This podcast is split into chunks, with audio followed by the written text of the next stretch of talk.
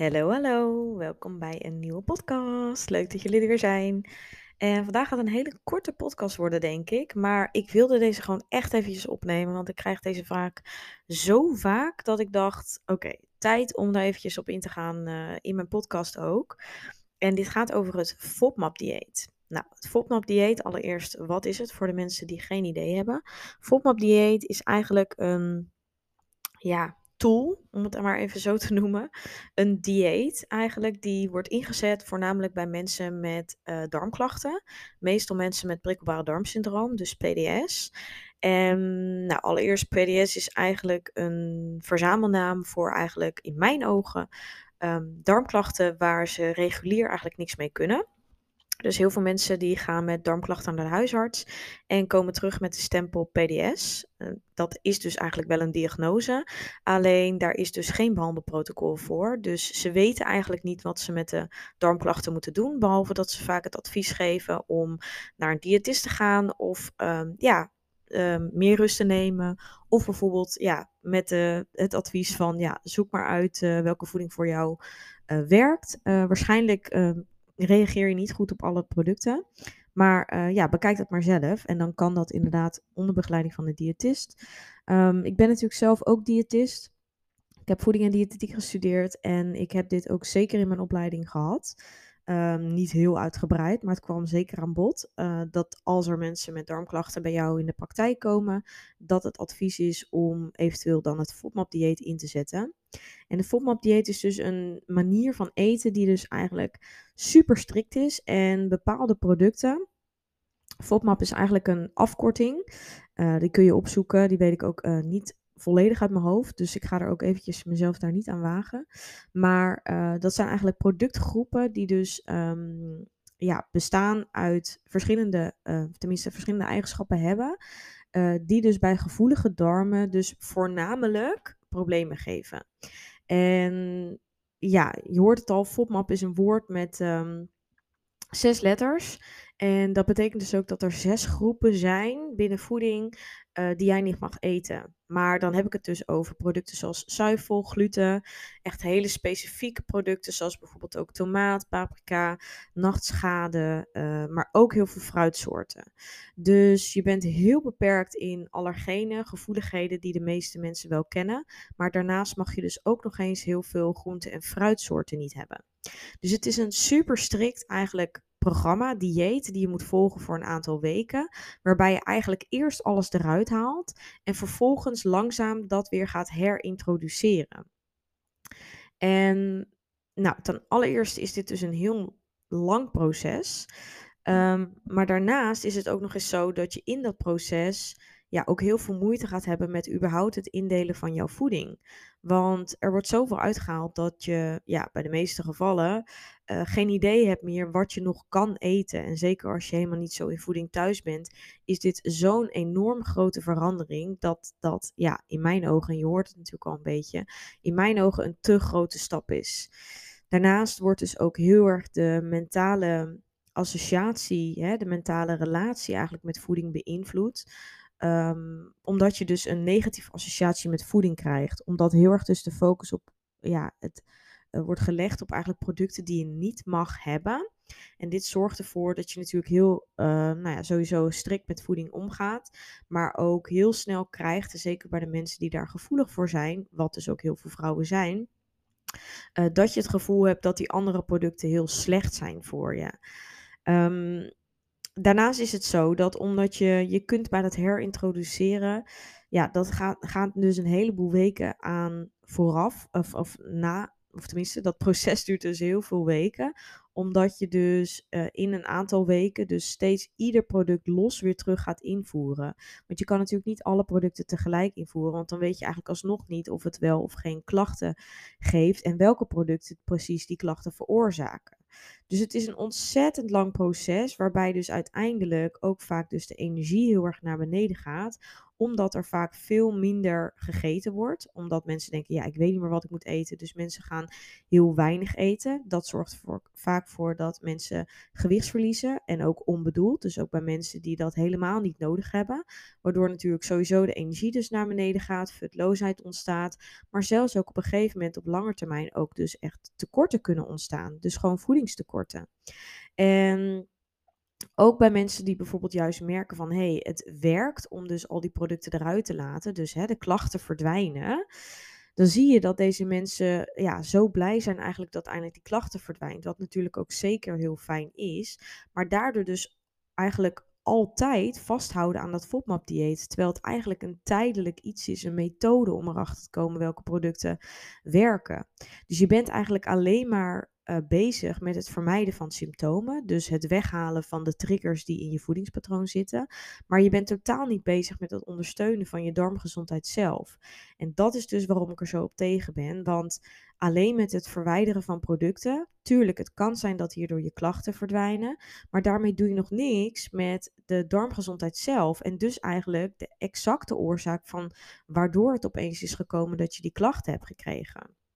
Dus om even terug te komen, um, ja, mensen bij wie dit wel werkt en die dus merken, hé, hey, als ik er zoveel uitlaat, dan heb ik geen klachten, die zijn natuurlijk super erg geneigd om dit patroon, dat strikte FODMAP-dieet, vol te houden voor altijd, omdat ze er zo goed op gaan.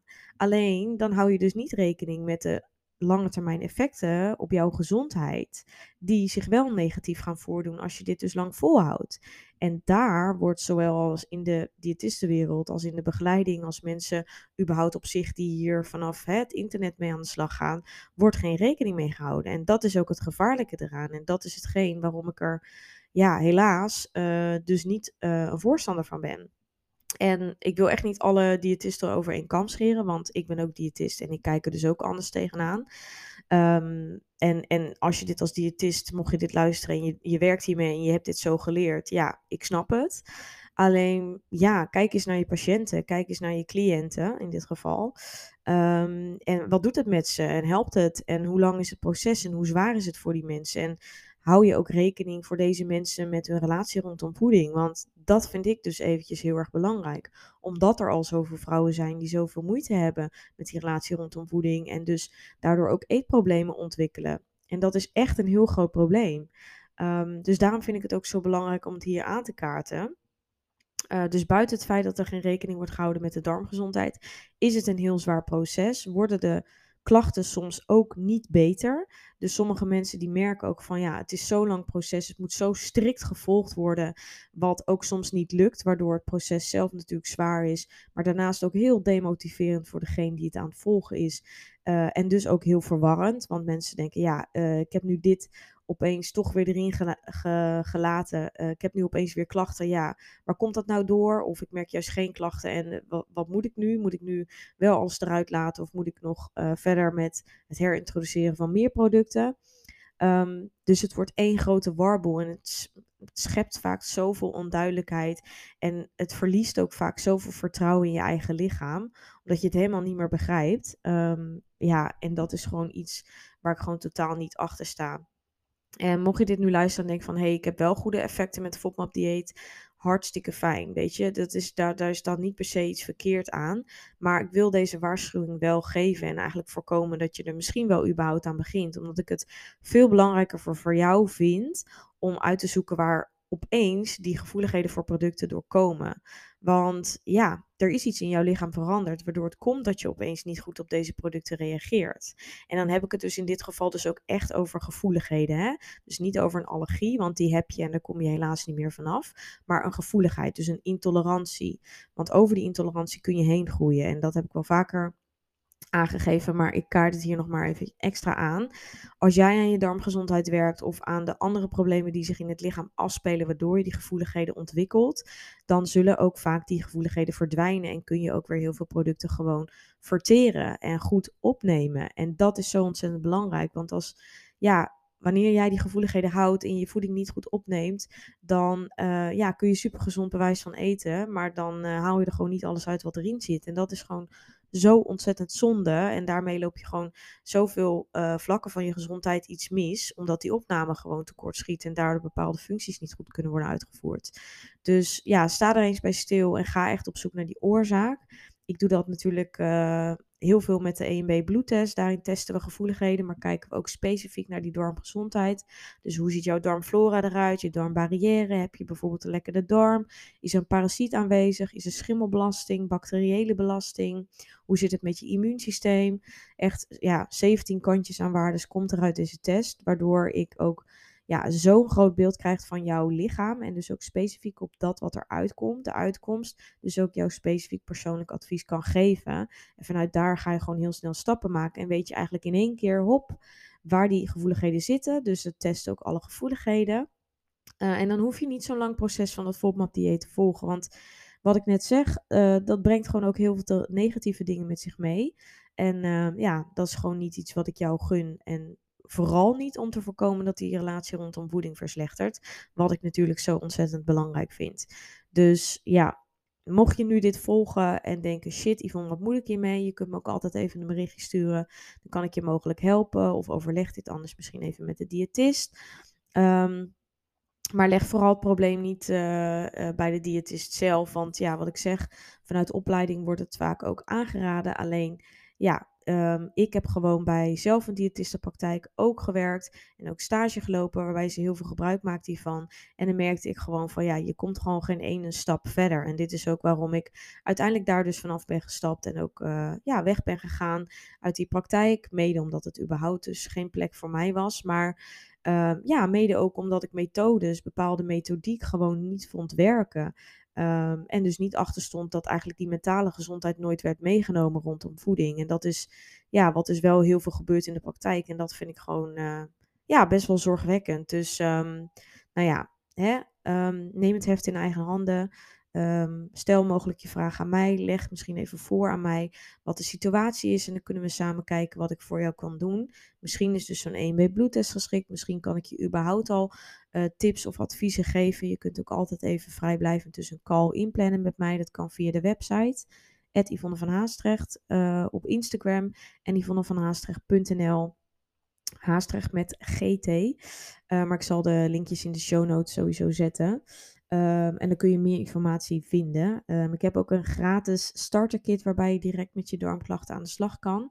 Dus die kun je ook eventueel downloaden via mijn website. Mogelijk heb je daar ook wat aan. Dan help ik je ook door vier simpele stappen, een online gids die jou um, ja, verder helpt om je klachten te verbeteren. Maar laat het vooral weten. Ik help je al te graag verder. En uh, ja, zeker om te voorkomen dat je mogelijk begint aan het FODMAP-dieet. Wat zo'n ellende lange weg uh, is. Wat misschien niet eens resultaat oplevert. En uh, ja, ik wil in ieder geval voorkomen dat jij die restricties in het voedingspatroon gaat hebben die misschien niet eens nodig zijn. Dus die voedingsbreedte is ontzettend belangrijk. Dat je lekker die voedingsvrijheid houdt. Ook sociaal en mentaal is dat natuurlijk fijn, zodat je gewoon lekker uit eten kan blijven gaan en niet rekening hoeft te houden. Het zorgt er ook voor dat je ja, je toch wat minder uh, uh, op je gemak voelt als je bij andere mensen eet. Hè? Het is toch fijn als je dan gewoon lekker mee kan eten wat diegene maakt. Um, dus ja, als die mogelijkheden zijn, dan wil je dat niet, um, niet mislopen. Dus laat het me weten als je vragen hebt. Ik um, hoop dat in ieder geval mijn, uh, mijn boodschap duidelijk is en dat je mijn mening hierover weet. Het kan zijn dat je een andere mening over hebt, is ook helemaal oké. Ieder zijn ding. Maar ja, ik vond het wel belangrijk om dit even aan te kaarten. Een korte aflevering, maar wel met een duidelijke boodschap. En uh, ja, hopelijk heb je er wat uit gehaald. Ik wens je een hele fijne dag of avond en tot de volgende. Doei doei!